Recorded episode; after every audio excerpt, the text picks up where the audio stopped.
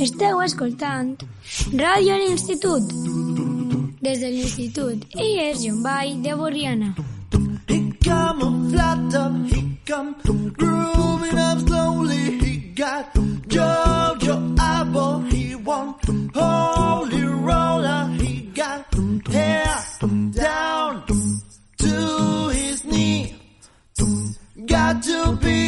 joker, he just do what he please. Come together right now over me.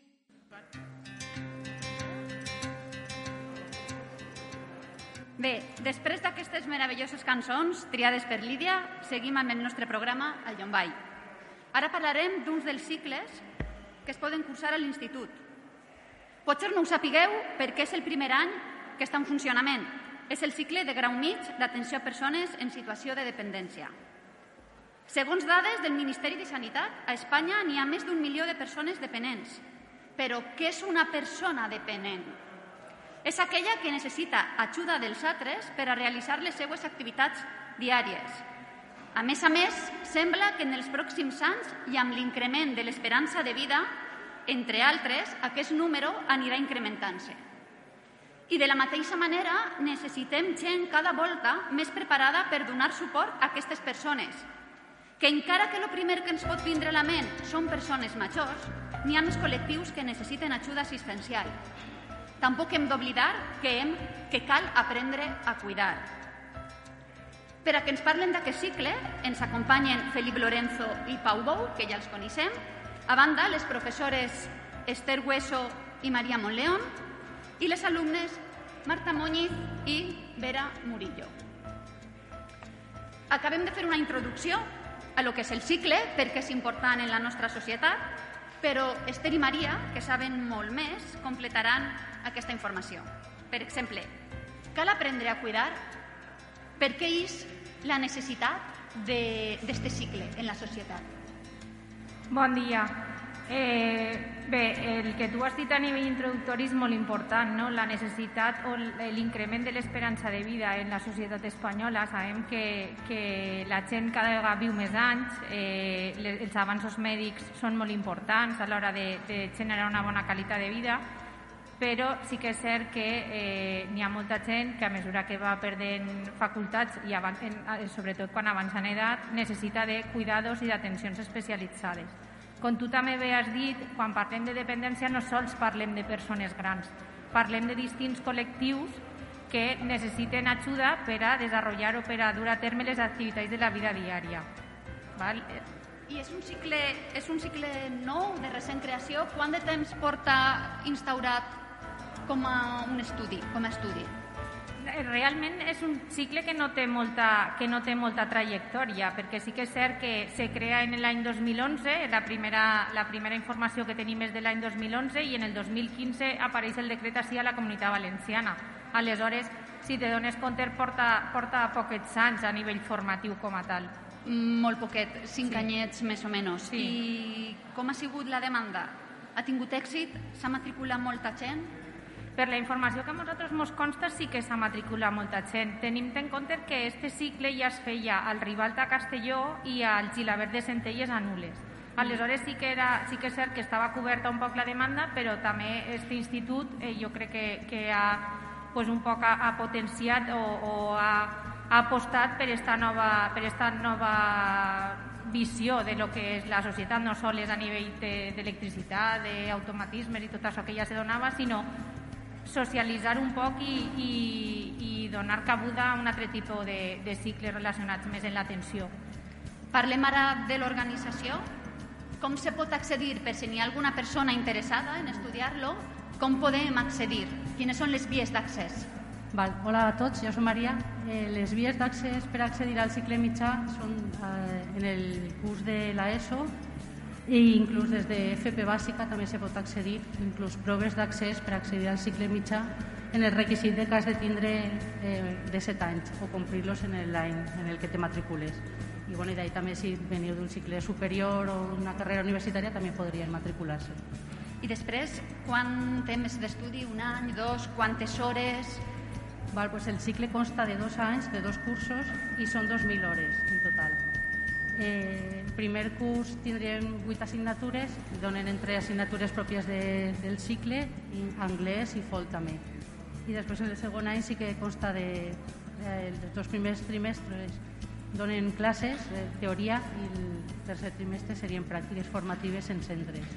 I eh, eh, quin, so, quin és després el recorregut que té?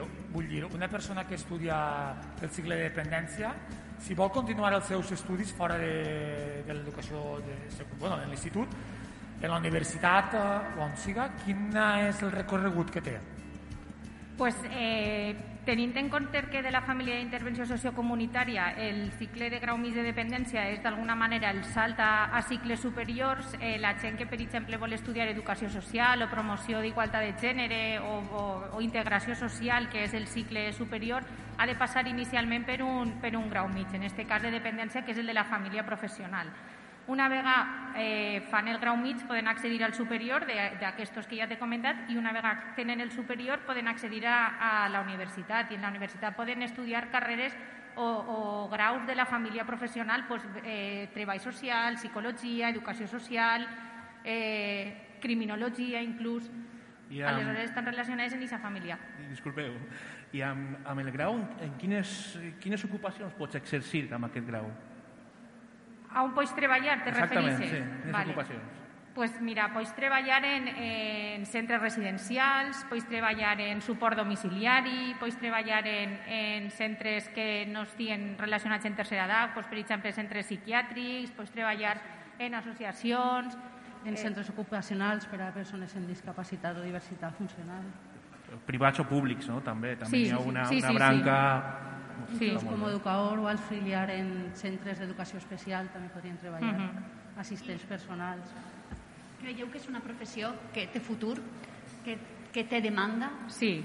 De, de fet, eh, un dels motius per als quals se formalitza un poc esta, esta formació ve donada per eh, tots aquests cuidadors informals que estan treballant de forma no, no diguem, no documentada, no? en aquest sentit, eh, sense una formació específica acadèmica.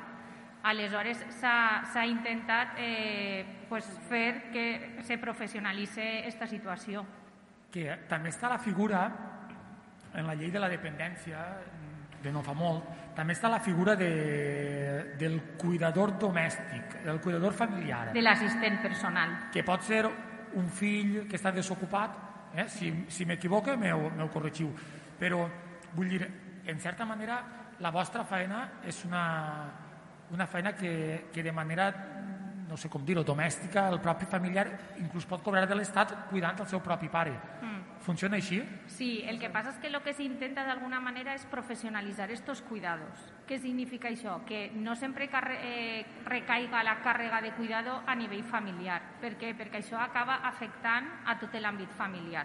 Val? N'hi ha, un, ha no, com una afecció que és el síndrome del cuidador. Del, exacte, del, del cuidador quemado. Per exemple? Sí. ¿Nos podries contar més o menys què és i que, que és tan necessària a lo millor una persona professional en mm. el en la cura de les persones?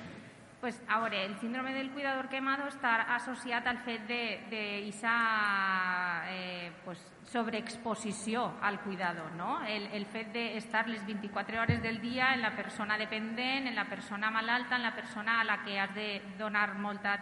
Ja no sols atenció de necessitats físiques, perquè potser haig d'alçar-lo, haig de xitar-lo, o li haig de donar menjar, o la, la, la part de la higiene, sinó sobretot el que és la càrrega emocional que comporta per a la persona cuidadora. Això significa que no, que no té hores a cuidar-se val? i és molt important tindre un espai individual on també cuidar-te a tu. No? El, el cuidar sempre d'una altra persona resta el teu propi cuidado. Molt bé, molt important. Mm. Parleu-nos ara de com són les classes. Què feu Mm, més o menys. A veure, enguany és que és una situació diferent, val? perquè normalment, eh, sobretot els cicles formatius que, tenen, que són de la família d'intervenció sociocomunitària, són cicles molt pràctics. Val? Això significa molt de role-playing, molta exposició en viu, molta pràctica, però enguany, donada la situació, això ens resulta més complicat. També és cert que el primer trimestre és un trimestre on conceptualitzem i on enquadrem un poc el que va a ser la resta de l'any. Aleshores, pues elles vos ho poden dir una miqueta millor, no? Però el primer, passarem- trimestre, el primer, trimestre, el primer trimestre està sent un poc teòric, no? Per a, per a ficar-les en, en, situació. I a partir d'ara, bueno, pues anem a començar ja en el que és el treball en equip, en el que és la pràctica d'unes altres habilitats. Vale, abans de passar a parlar amb vosaltres, sí que m'agradaria que ens diguéreu quin és el perfil o quines són les qualitats que ha de tindre una persona a la que li agradaria fer aquest cicle. Pues Isa te la conteste jo. Eh, sobretot, el principal, tindre molta empatia. Tindre molta empatia, tenir habilitats de comunicació tant per a l'escolta activa com per a, per a comunicar-se i parlar en aquesta gent, eh, tindre molta paciència, molta sensibilitat i un munt de respecte en els col·lectius en els que treballem, perquè són molt vulnerables. I bueno, podria dir-te un munt més de qualitats, capacitat per a resoldre conflictes, perquè poden sorgir en la convivència o en el treball, en aquests col·lectius. Eh, no sé, ser observador, capacitat de transmitir energia positiva, perquè treballem en un col·lectiu que és molt difícil moltes vegades portar la seva situació. I, Sobre- i sobretot tindre també un poc de vocació de cuidar de, per la cura de les persones. I també és important el, el saber treballar en equip. Tinguem en compte que normalment, eh, excepte els assistents personals que treballen al domicili en la persona únicament, eh, els, els TAPs, que són els tècnics en, en atenció a persones en situació de dependència, van a treballar sempre en un equip més gran de persones. I és fonamental saber treballar en equip. És fonamental saber quina és la teua tasca, quines són les teues funcions, on estan els límits i saber compartir el que deia Maria un poc, no? el, el reprendre a solventar els conflictes que puguen incidir en, en el que és un treball en, en equip. I això és algo que és fonamental, que des de lo que és ja l'aula se treballa en ells. No? De forma transversal, nosaltres treballem habilitats socials, treballem assertivitat, treballem eh, treball en equip, la redundància, perquè pensem que això és algo que han de tindre ja des de, des de lo que és la formació acadèmica a l'hora d'anar-se'n a fer unes pràctiques, perquè les pràctiques al fi i al cap és la primera presa de contacte en la realitat que van a tindre. I aquestes habilitats les han de tindre ja desenvolupades per a poder treballar en gent. Perquè a lo millor un mal gest o un mal pas o, o una mala paraula que a lo millor elles pensen que, o elles i ells, perquè també tenim xics, és important dir-ho, val? perquè realment està associat el cuidado a la figura femenina. Sí, teniu molta raó. I ahí, ahí hem de canviar, esta societat ha de canviar, no? I en, per sort nosaltres tenim quatre xics a classe. Eh, això també és, és important ressenyar-ho. Però bé, en el fet de, de lo que dia, no? És, eh, han de saber com comportar-se, han de saber que a lo millor la forma de relacionar-se que tenen entre ells i elles no va ser la mateixa que van a haver d'utilitzar quan se relacionen en persones a lo millor més grans o persones amb un trastorn mental. Aleshores és important saber que ells també i elles sàpiguen on es troben i com s'han de comportar allà on eh, es troben. Molt bé, Esther, Maria, moltes gràcies. Gràcies a vosaltres. Passem ara a Vera i Marta, d'acord? Van les preguntes. La primera, molt senzilleta. Vos agrada el cicle que esteu fent? Sí, la verdad que sí. Sí, es lo que esperábamos. I les expectatives, el coneixiu d'antes? Per què vau decidir estudiar-lo? Yo porque llevo muchos años aquí en el Bay y aún no sabía lo que quería hacer, pero un profesor me dijo, si es lo que te gusta hacer, como soy yo, tal, me enseñó este módulo. Y cuando lo vi que lo hacían aquí, pues fue una alegría. I, perdona, eres Vera o Marta? Marta. Vale, Marta. S'han complit les expectatives que tenies? Sí, la verdad es que sí. Solo que nos falta esa parte práctica que no podemos hacer por el COVID, pero se hacen las clases amenas. Què diríeu a, a, a tres xics o xiques que volen fer aquest, aquest grau? Com els animaríeu? A ver, cada uno depende. Yo, por ejemplo, en mi caso, a mí me gustaría llegar a educación infantil y es un proceso por el que tienes que pasar y vas adelantando muchísimas cosas que al fin y al cabo, por lo que desde mi perspectiva, atendes una cosa que al fin y al cabo todos vamos a acabar haciendo. Y si tienes los como los cuidados ya mentalizados y todo y ya lo haces más profesionalmente, pues es una mejoría de, de todo, la verdad. y pues la gente que se quiera unir, pues es que yo creo que es algo que tendríamos que saber sí o sí. Entonces, pues eso. Des de la vostra perspectiva, com són les classes? Que, com és la relació que teniu amb el professorat? A mí me encanta. Sí, la relación que tenemos con nuestro profesorado es muy buena. Lo que nos pasa a lo mejor es que tenemos muchas horas a lo mejor con muchos profesores, pero siempre tenemos ese, esa cosa que nos hacen para que, digamos, va, nos quedan más horas, pero... Digueu el que m'heu dit antes, de que és lo millor, que, lo millor del cicle, que és... M'ho heu dit antes, me pareix molt bonico i Em, no sé. Es que hay muchas cosas, no sé. es- Por ejemplo, nosotros, como estamos divididos en dos clases, nuestra clase, por ejemplo, es muy piña. También eso ayuda mucho a, a el ir a clase, ir cómoda.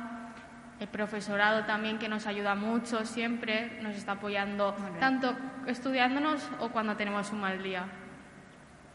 no es tanto profesional como a lo mejor en otros colegios o todo. Sí que es, por ejemplo, nuestra clase es como muy, muy familiar. O sea, te ayudan con lo que dice Marta en las clases y también de problemas de fuera. Entonces eso pues te hace estar muchísimo más a gusto, ir con más ganas y, y todo. Eh, una pregunta. Vosaltres teniu vocació de, de, ser, eh, de ser cuidadors? Sí, yo creo que es algo súper importante en este módulo saber qué te gusta, que sea vocacional, porque si no al final te podrías quemar y llegar a un, a un cuidador quemado. I eh, la vocació esta l'heu heretat d'algun familiar, d'haver-ho vist en casa o d'on vos ha vingut? A mí, por ejemplo, me vino desde el colegio, que tuve, a, por ejemplo, a mi abuela una temporada en casa y pues siempre la estaba cuidando. Me, al final me acostumbré como a hacerle las cosas, a, a cuidar de ella y aparte también en educación infantil también me gustó mucho el tema cuidar en general y no sé, es que te produce una satisfacción enorme ver cómo estás ayudando a alguien inconscientemente, ver cómo se mejora poco a poco y todo eso, pues es genial. I quan acabeu el cicle d'ací dos anys, què és el que vos agradaria fer? Educación infantil. A les dos? No, a mí me gustaría llegar a un centro con niños con necesidades especiales. Acabar este módulo, el mediano, luego el superior y luego especializarme en, en los niños con necesidades especiales. Molt bé. Ens acaben de xivar que Marta és mediadora, també. Sí también que- soy mediadora. Aquesta vocació també. No? Molta vocació, no? Sí, el Bueno, ayudar. en certa manera pot estar relacionat també, no? Sí, yo lo veo muy relacionado. No ayudas desde la, mis- desde la misma perspectiva, pero esa cosa de ayudar a las personas que a lo mejor también te, te dan ese voto de confianza para contarte tus cosas o para que les ayudes simplemente. Entonces lo veo relacionado y no es porque hice, empecé a estudiar esto, pero sí que es algo relacionado. Vale, gràcies, Marta i Vera. Moltes gràcies per les vostres aportacions. Pau? Eh, sí, tenim un altre convidat perquè, eh, Raquel, l'Institut Llombai eh, originàriament, originàriament era un institut de formació professional. Eh? L'esperit del, del Llombai era la formació professional, després ja s'ha ampliat i eh, s'ha convertit en tot el que és ara, no? un superinstitut. Eh, tenim així l'encarregat, al cap d'estudis de, de, de tota la formació profe professional, Jorge Rodríguez. Bon dia. Un dia. Ho ha dit correcte? Correcte, de- Pau. Tu eres sempre correcte. No, ha dit correcte. L'Institut Llombai va néixer com un institut de, de formació sí, professional. Sí, vos, eh, breument, si voleu, vos lo descrivís. En l'any 1990, vale, eh, bueno, l'Institut Llombai realment naix l'any 78, curs 78-79. 78-79. Eh, era un institut de formació professional, en Burgana n'hi havia dos, el Jaume I, que era d'ESO, bueno, el que era l'ESO abans, i el batxiller, i aquestes assoles de formació professional. En l'any 1990 s'aprova la LOCSE, la reforma educativa, i a partir d'ahir ja, eh, ja no n'hi ha formació professional d'instituts d'FP i instituts d'ESO i batxiller. Eh, comença una norma eh, nova, una red de centres on el que, fol, el que volen en aquesta nova norma és ficar tot junt, la ESO, el batxiller i la formació professional. Què passa? Que això té un període transitori que a poc a poc va ficant-se. Concretament, en l'any 1997-98, en el eh, Llombai, vale? jo vaig vindre en el 2000, acabàvem en aquest moment, se va incorporar el primer cicle de l'ESO i després progressivament se va ficar ja segon cicle de l'ESO i el batxillerat. Però sí, l'Institut Llombai naix en el mateix nom i naix ja fa pues, 40 anys, 42 anys, naix eh, com a formació professional. Quin, quines són les, les rames de la formació professional que impartim, o impartiu, impartim així en el, Sí. en el Llombai? Les actuals, bueno, hem tingut diverses famílies professionals, hem tingut, sempre hem sigut molt dinàmics, des del punt de vista de, de veure què és el que necessitava el teixit productiu de la província i a partir d'això intentar que les conselleries que han hagut que ficaren aquesta formació per als alumnes i per, també per la societat. Tenim en compte que la formació professional el que és l'èxit total és que això que ensenyem així estiga relacionat amb el que demanda el teixit productiu. Això és lo fonamental. I tenim ara en aquest moment eh, família de mecànica, família d'electricitat, família de serveis socioculturals i a la comunitat, que és de la detenció de dependència, vale? i instal·lacions i manteniment. Tenim dos cicles, grau mitjà i grau superior, d'electricitat, tenim un cicle de mecànica, tenim dos cicles, grau mitjà i grau superior de fred, desenvolupament de projectes d'instal·lacions tèrmiques i fluids, i tenim el de dependència. A més a més, tenim eh, tres FPs bàsiques. Tenim una de manteniment de vivendes, tenim una de fabricació i muntatge i ne tenim una altra val, d'administratiu. Eh, quan naix l'IES Jombay teníem administratiu, teníem comerç internacional, però a l'entrada en vigor, la LOCSE que vos vaig, que estic comentant, se van separar també cicles. Van vindre ESO i batxiller, van vindre al Jombay i cicles formatius que eren de l'IES Jombay se'n van anar al Jaume I. Ho van dividir. Val? N'hi ha, ha èxit, vull dir, els alumnes que es preparen en grau mitjà eh, troben pronta feina, n'hi ha, ha, ixe pas està, n'hi ha èxit en ixe pas? Eh, la veritat és que sí. L'alumne que acaba un grau mitjà eh, té diverses possibilitats. Una, incorporar-se al mercat laboral directament o l'altra, fer un grau superior. Molts dels nostres alumnes de fred i d'electricitat s'incorporen en grau superior. Per a nosaltres, com a institut, des de els anys que estem així, i crec que per a, per a tot el professorat i equips directius, el més important és veure que el nostre ara mateix, fa dos minuts, m'acaba de passar, un alumne de grau superior d'electricitat que acaba les pràctiques en una empresa i diu, Jorge, demà me fan fixe. Això és lo important. Estem creant, estem educant, estem formant i estem creant també una riquesa per a la societat. Vale? Això és el que per nosaltres és el més important. Perquè eh, quan jo era estudiant sempre el, el, el FPA tenia aquest estigma eh, no sé com dir-ho una, una, relacionava l'FPA en, eh, en fracàs escolar. Jo tinc un exemple d'un amic que va estudiar, ell volia ser mecànic a l'Institut de Sueca, en el Joan Fuster eh, i va fer tots els, els mòduls. Ell des dels 20, 21, 20 o 19 anys que va acabar fins ara en la vida s'ha quedat sense feina i altres companys que, que han passat per la universitat eh, sí que, sí que han, han patit no tindre feina vull dir, és una pena que estigui relacionat el- l'FP en, en, en, quan l'FP en eixida laboral jo crec que és campió m'enganya Sí, eh, és, eh, el que tu estàs dient és molt important. Quan, quan nosaltres entrem en, en l'equip directiu, bueno, un poquet abans que Rosana ja estava també, eh, això ens van donar compte de, seguida, no? En Burriana era aquell que volia estudiar, que volia estudiar, o que volia estudiar un poquet, ni tan siquiera molt, anava a l'institut de batxillerat. I aquell que no volia estudiar, pues anava al d'FP a fer una FP1 o FP2, que era en aquest moment, val? i que eh, era el que tu dies. Ha anat canviant molt, ha anat canviant molt. Encara queda, eh? anem a veure, encara queda algo, però molt més de lo que havia. Països que estan més desenvolupats que nosaltres, de la Unió Europea, com per exemple Alemanya, allí sí que té un gran prestigi la formació professional. ¿vale? Així anem millorant, però costa molt. Encara hi ha pares que, que, i, mares que diuen no, és que el meu fill no vol, no vol estudiar el batxiller, podia fer un grau superior, diu, no, senyor o senyora, primer té que fer una ESO, té que fer un batxiller i després anirà a un grau superior. Nosaltres hem tingut molts, molts alumnes que tenen una titulació universitària i el que han fet després és vindre a fer un cicle formatiu. No han topetat feina en un lloc i l'han topetat en un altre. Val?